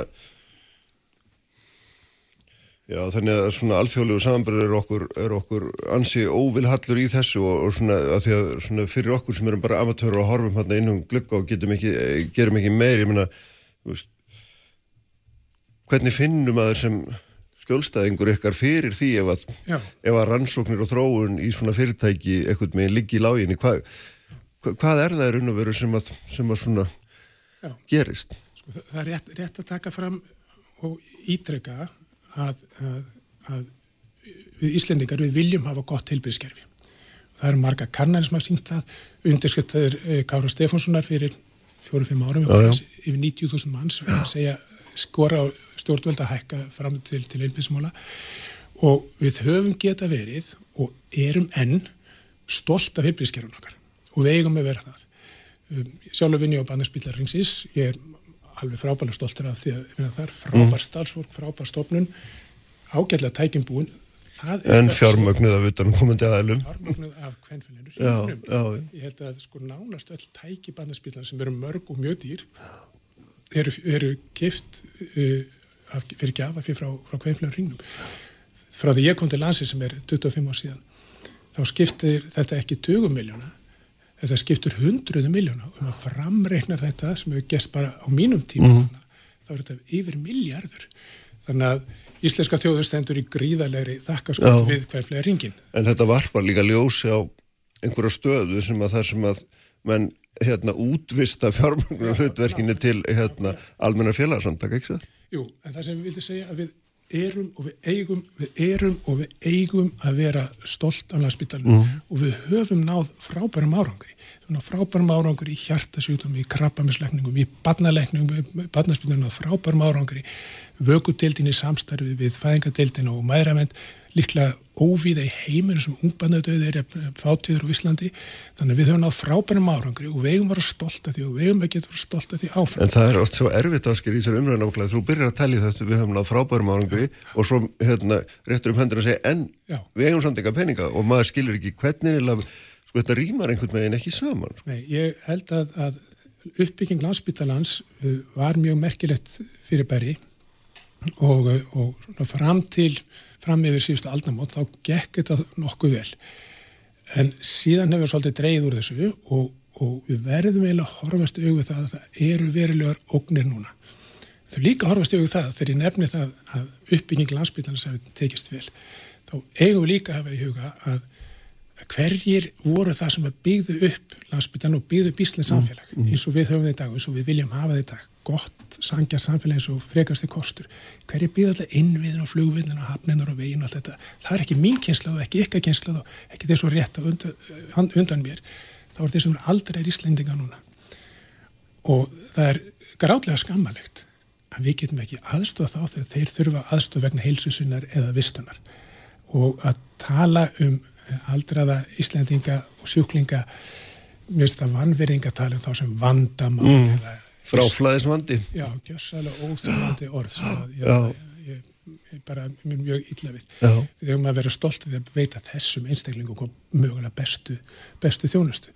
Og við á landsbytarnir gengum mjög vel eins og nefndi við mm. landsbytarnir með þeir styrk sem við höfum á barnarsbytarnir gengum vel. Og enn sem kom þeir erum við á ágættum stað en það horfir ekkit svakalega vel. Það er komið mikið mannleikla og sérstaklega ákvönu sérgrinum. Og hvað ætlum við að gera þegar vantar krabbaminsleikna eða hjartalegna og svo framvegis? ætlum við að sætt okkur við að þessu ekki bara hundur, heldur þúsundir manna og byðlustum eftir hinnum og þessum aðgerðum og aðstofheilbríðskerfisins. Það er ekki það þjóðfélag sem að ég held að Íslendingar vilja hafa. Við viljum hafa þjóðfélag sem að sinnir heilbríðskerfum vel við viljum ekki að það sé einhver munur á því ef að barn veikist hvar það er í þjóð, einhverjum hugsanlega þjóðfélagsstiga eða hvað er þið mm. sett eða þegar einhver aldar er þurfa aðstofa hjálpa hvar þeir eru stattir í lífinu. Við viljum að heilbyrðskerfi sé gott fyrir, fyrir alla. Já. og þurfum að taka okkur á. Já, en þegar hún nefnir þetta með, sko, hérna, það, með mannekluna skort á allum slegnum að þá er náttúrulega þetta fyrsta sem maður horfir á að það er þetta bara ákveðin, við mentum bara ákveðin feldalegna komum ekki fleiri að þetta sem er skilda þau og það er aftur að því við getum ekki kent fleirum þennan praktíska þáttinn á spítala sem lítur þá aftur að koma þessari hugmyndum háskóla sjúkrahús. Já, þetta, þetta er alveg rétt og þetta er líka brist svolítið hratt, kannski hraðar heldur við áttum okkur á fyrir 15, 20, 30 árum þá unnum en lengri vinnudag og fórnum kannski svolítið félagslíf og fjölskyldulífi og, og þetta brist mjög mikið núna og miklu meirum að fólk vinni að við hlutastörfu og svo framvist þannig að þörfið fyrir fjöldalækna mm -hmm. yfir aukist auk þessum að ég held að fjölguð þjóðarinnar uh, og ferðamenn og svo framvist er farið langt fram úr, úr áallunum þannig að væntar að þurfum við að menta fleiri. Annað sem er líka er að fyrir 15-20 árum þá mentum þessi útlandum eins og núna og koma svo heim. Og ofta tíðum komin heim í ákvaðverð störf, í mínu tilfelli ég var mjög ánæg með að komast í þetta starf sem ég kom í, en, en oft spila líka félagslegar aðstæðurinni, viltu vera nálat fjölskyldunu og vinum og svo framins. -hmm. Þetta er gjörbreytt núna. Það er alltaf að búa í, í Svíþjóð og skuttlast heimar og hvoru vin, með hefðilega vinnutíma og, góðu laun og frekar að koma til Íslands til að vinna meira við miklu erfiðari starfsaðstöður. Mm. Þannig að það eh, römmur svo taug og allt það það er ekki endilega að menn vilja koma heim, flyti heim til Íslands út af félagsastæðan. Nei, einmitt. En svo hérna fyrir maður að binda einhvern svona, einhvern enda á skil sko þar sem maður svona, þú veist maður tekur út úr þessu samtali er það að þessi hugmynd okkur um, um háskóla sjúkrahús sé verulegum vafa undir orfina þínum aðti og hérna og að þessi nöðsynlega þekking, rannsóknir, þróun sem við hérna ættum að vera að byggja upp í þekkingafyrirtæki eins og þú vilt kalla landsbyggilanum og hún hefur bara settið á hakanum og, og þér finnst svona frekka fyrir sjáanætt að það halda áfram? Já, ég ætla ekki að dramatísera þetta úr mikið samstarfið við háskólan er að mörgluti gott mm. en það hefur trosnað. Og ég viðkjöna það alveg, ég er með svolítið nút í maganum að þessu verðum við að snúa við og nýra stjórnar býður mjög stort verkefni. Uh, verkefnin í umræðinu er alltaf rekstræðilegs eðlis en það ennþá starra og að mínum að þetta mikilvægara er þessi fagleg, þessar faglegu áherslur og það tengist rannsóknum við vísendum, þekking og framförum. Já, þarna þurfum við að taka okkur á. Já. Ljómandi, bestu þakki fyrir að koma áskil, hérna frólitt að fá þig. Og Takk fyrir bóðið. Hjá mér verður Guðnum Smitt eftir ögnablík. Kraftmikil umræða alla sunnudaga. Sprengisandur á bylgjunni. Sprengisandur alla sunnudaga á bylgjunni.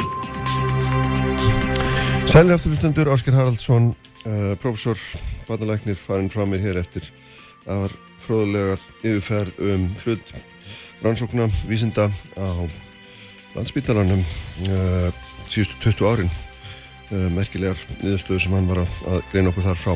Nú, uh, ég ætla að fjalla hér um allt annan hlut, ég ætla að fjalla hér um hlut sem heitir, eða hefur verið kallaður Þolmarkadagur jarðar og í símanum hjá mér er Guðrún Smitt, hún er sérfræðingur hjá Landvönd, býr austur á Eilstöðum, Sæl Blessu Guðrún. Kondi sæl. Kondi Sæl, takk fyrir að vera með mér. Takk sem leið. Sko, þú hérna hefur verið að fjalla um þetta huddag, Þolmarkadag jarðar Já. og nú, hva, hvað er Þolmarkadag jarðar? Það er eiginlega uh, að á þessum degi þá er mannkynnið búið að fullnýta auðlindi jarða fyrir viðkomandi ári Mm -hmm. uh, og eftir það þá förum við að ofnýta auðlindirnar uh, og á þann hátt að það geta þá hvorki endur nýja sig og rýrna og hnigna og geta ekki tekið við allan úrgang og mengun frá okkur.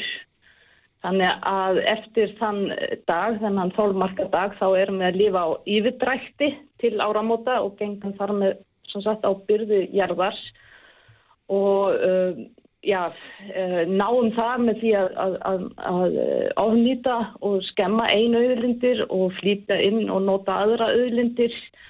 Og svo náttúrulega bara menga og losa eins og koltvísýring og, og já, meira en auðlindina geta bundið. Já, og þe- þessi dagur núna, eftir, á þessu ári með það sem að þú hefur greint frá, er, er 28. júli, þess að í lok síðasta mánadar Já. og hefur hann verið stöðut að færast á, komum að segja, framar á árið eða hvað? Já, hann hefur stöðust þær framar árið, það var í kringum 1970 sem hann fór sem sagt uh, að færast, uh, það var hann í, í desember sem sagt og svo síðan hefur hann fæst stöðut framar. Einu undirtekning var eh, til dæmis í COVID, uh, þá var hann uh, 22. ágúst sem sagt aðeins sefna. Þannig að þá var hægt að greina að minna umsvið mannkýns á þennan hátt. Mm. Hvað, þú nefnir þetta að verið allt í desember 1970 þannig að þetta er ekki nýtt hugtakarnlega eða ný mæli eininga að koma á að kalla það. Hver er það í raun og veru sem að hver er það sem að gefur út uh, þennan dag og, ákveðu hvenar hann skuli vera á hverjum tíma? Já, þetta er alþjóðlega rannsóknarstofnun sem eh, heitir Global Footprint Network og þeir rekna út bæði sem sagt þólmarkadaginn og líka vissborið og þetta er sem sagt á vísindarlegum grunnum og, og alþjóðleg samtök. Þannig að þetta eru hérna, þetta eru þokkalega áreðanlegar svona þokkalega áreðanlegur mæli hverði á það breytingar sem orðið hafa á þessum, þessum árafjölda sem við nefndum. Já. Eh, Og, og það er náttúrulega borið saman sem sagt uh, hvað auðlindi jarða geta framleitt við það hvað við erum að nýta og síðan er þá fundið út hvort það er sem sagt uh, hvort auðlindir, uh, duga eða, eða ekki. Hvað hérna, það, þú sko, þú nefnir líka í hérna, hefur nefnt að, það, að við þurfum að bregðast við þessu hratt og svo sem er nú engin, engin það er nú engin óeining um það orði í heiminum að ráði að, að hérna við þurfum að, að bregðast við þessum loslasbreytingum og, og hérna, svona þú nefnir strax á næsta ári þá þurfum við að fara í nöðslega breytingar og aðgerði, hva, hérna, hvað ert þú svona sem, sem ástyrju full manneskja í þessum efnum, hvað, hvað er það sem að þú telur að sé sé brínast að gera og nöðsilegt til þess að snúa þessari þróum við þessi dagur færist nú, færist nú hérna aftur á árið aftur. Já, það er mjög margt sem við verðum að gera. Og við verðum að gera okkur grein fyrir því að það eru gífulega breytingar sem við verðum að fara í. Og þessar breytingar eh, bara verða náttúrulega allir verða, verða að samtaka um það að verða á, á svið einstaklingar, samfélags, eh, fyrirtækja og stjórnvalda og ef ég byrja bara til dæmis á, á einstaklingum þá náttúrulega verðum við að hver og einna minga okkar vissbor og, og, og þessi neyslu menningu sem við búum í. Og, og uh, bara endur uh, hugsa hvernig þið góða uh, líf uh, er og, og, og hver, hverju við erum að sækjast eftir og um, já, getum náttúrulega stórlega mingað uh, sóun og, og neyslu sem dæmi. Uh, en við og, og svo náttúrulega að þrista á stóra breytingar sem, sem verður að gerast í gegnum stjórnmálinn Já, og þar þurfum við náttúrulega líka að horfast í augun við það að eh, þetta hagkerfi sem við búum í í dag, það stuðla ekki að sjálfbæri þróun. Það, það stuðla ekki að við, að, að við getum uh, já, lifa innan uh, marka sem uh, náttúran setur, náttúrulega auðlindi jarðaður er takmarkaða. Og við getum ekki lifa í stöður um vexti en svo hafvöxtur ætlast til. en það er, hérna, það er ansi erfitt að snúa af þeirri braut, er það ekki? Því að nú er það einfallega þannig að fólki fjölgar og umsöfun aukast í einhverju hlutvalli við það og þetta er allt saman, það er innbyður í þetta allt saman einhvers konar vakstarkvati er það ekki? Já, það er náttúrulega eins og er en, en það er náttúrulega hluti sem við getum breytt og verðum að breyta. Mm. uh, og við verðum náttúrulega að, að byggja uh, hagkerfi á næjusum ekki á neysluhyggju og á samfélagshyggju og ekki á einstaklingshyggju uh, sem dæmi uh, og, byggja á jafnvægi og ekki, ekki stöðum vexti. Um, og það eru náttúrulega til uh, hagfræðingar sem eru búin að búa til ímis kerfi sem, og, og þá er náttúrulega ringrása hagkerfi er, er eitt en við þurfum að gera fleiri breytingar og þá er kleinu uh, ringja hagkerfi eða sælda hagkerfi socialist markas hagkerfi eða nýðvaksta hagkerfi sem að dæmi um öðruvísi hagkerfi. Mm. Nákvæmlega, þannig að þarna en þú ert í raun og verið að tala um er það ekki að, að það sem að hérna reyndar hefur nú verið, held ég að alrindar saminuð þó að hefur nú reyndar líka að talað um en við margir auðvitað þetta sem að kallast bara róttækar kerfisbreytingar sem að hérna þurfa að gangi gegnum allt, allt samfélagið. Já, ekki spurning. En hvernig, já, einmitt, og, og, og það er náttúrulega alltaf dálítið handleggur að, að koma því áfram og í gegn, því að það er auðvitað hagsmunir á hinum kantinu líka sem að, hérna, svo sem er svo að halda að því þú talar um neysli menningu, sem svo að halda gangandi störfum og framleiðslu sem að, hérna, aftur til þess að, að hafa ísvu á fyrir þá sem að það, það hana stunda og þjónustu síðan sem þú þarf til þess að, að koma framleiðslun á marka og svo framvegis, ég meina þetta er allt eitthvað sem að hlýtur að þurfa að horfa á líka. Að sjálfsögðu, að sjálfsögðu og, og við erum ekki tala um að, að, að sem sagt, fara tilbaka í, í, í torkofa. Nei, ég gerum ekki ráð fyrir því heldur svo sem. Þannig að, að, já, en það er náttúrulega hægt að, að bara stjórnveld verða náttúrulega líka að setja ímsa reglu og, og takmörk og, og, og lög til þess að einmitt eh, beina hagkerfum í rétta átt og, og það þarf náttúrulega, meni, af hverju eru vöru framleitar á sjálfbæran hátt? Já, Af hverju er það yfir hægt? Af hverju er þetta leift? já, Af hverju eru svona vöru fluttar inn? Af hverju getum við ekki bara trest því að vöruna sem eru í bóði hérlendis hafa verið framleitur þannig að þeir skada ekki annað fólk dýr og náttúruna?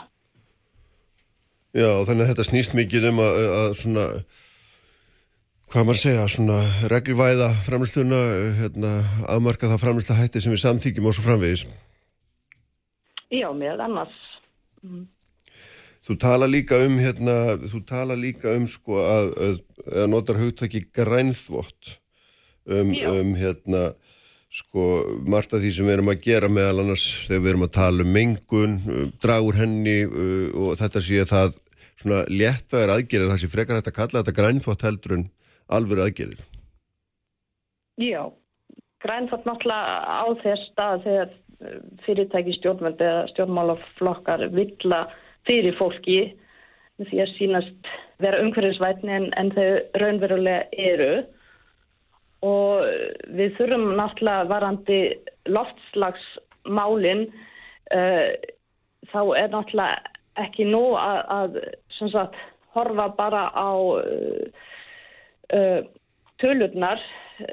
Sem sagt heldur þarf að sjá þetta allt í samhengi.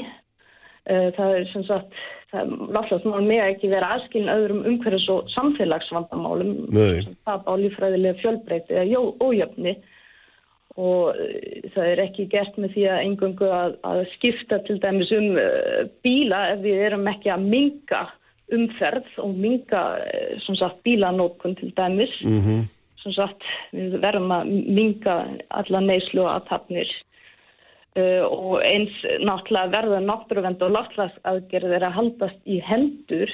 Við getum ekki unni að, að loftslagsmálum með því að eðilegja meira og meira náttúru. Uh, það þarf að, sem sagt, náttúran er náttúrulega undirstaða alls lífs.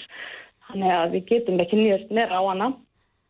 Og, og svo náttúrulega hefur heimurinn þessa framtíðarsýn sem er sjálfbæð þróun Já. og hefur sett, sett sér markmið að þeirri uh, uh, sem sagt, þróun sem eru heimsmarkmiðin þar sem, allt, þar sem við þurfum að horfa á allt í samhengi og það er náttúrulega mikilvægt og, og svo náttúrulega líka uh, sem sagt tekur kólefnisbókhaldið einungist til um lósunar sem ásist að innan landamæra lands, og ekki sagt, til þeirra uh, lósunar sem ásist að vegna framlegsla og innflutum vörum.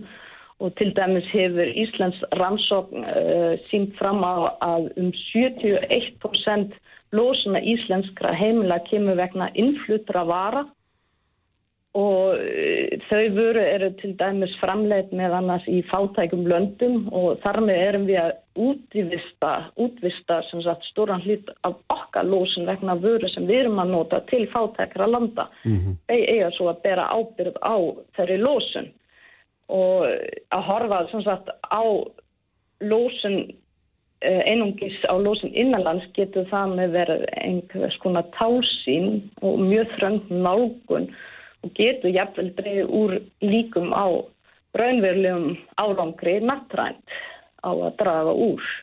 Ef við bara erum svo glöð að, að minga stórlega hérna, lósin innan einn lands en höldum áfram eða jafnvel aukum innflutning á vörum Já. sem teljast þá ekki með þá erum við ekkert að, að vinna á málunum nattrænt Sagt, þá er, er, er við jafnvel að losa svipa eða meira og áður en, en, en það er þá ekki samkvæmt bókaldi á okkar ábyrð og, og Já, það er bara mikið óréttlæti í því. Já, þannig að bókaldi sínir þá er ekki raunverulega ekkit, það, það mælir ekki raunverulega umsöfu okkar heldur bara, heldur bara takmarkaðan hluta þeirra.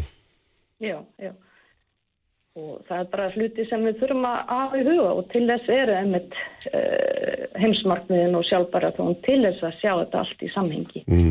En þú myndir ekki til að með skrifa undir það að, að það væri nóg að, að, að skipta um orkugjafa til þess að hérna, vinna, vinna, vinda ofan af þessum loslasvanda heldur, myndur þú telja þá ef við skildir ég að það væri að við þurfum að draga úr umsvöfum verulega líka, það myndi alltaf hanga saman. Já, ekki spurning. Mm -hmm. Nákvæmlega. Hérna, við skulum hérna hafa það loka orðin Gurun. Já. Og takk fyrir að vera með mér og hérna þú eru áhugavert að fylgjast með þessum þálmarka degið hvort okkur tekst að hérna færa hann framar á, nei aft, aftar á árið myndum við segja, uh, aftar á árið. Já, við uh, verðum bara að gera það. Já, einmitt, nær því sem hann var, saður ekki hann hefði verið hvað í, í desember 1970. Já. og nú er hann komin hérna, langleðina inn í júli þannig að það er að því má, má, hérna, má sjá hversu mikla breytingar hafa orðið á ekkit óskaplega mörgum árum Já. Takk fyrir þetta Guðrún og hérna já, takk fyrir að vera með mér í dag. Já, takk sem að leiðis Já, takk, blessu og sæl. Já, bless, bless Við verðum að láta sprengisandinum lokið í dag. Ég var Davíð Haldursson, stýrði þetta útsendingu eins og hann gerir alltaf, uh, allt efnið.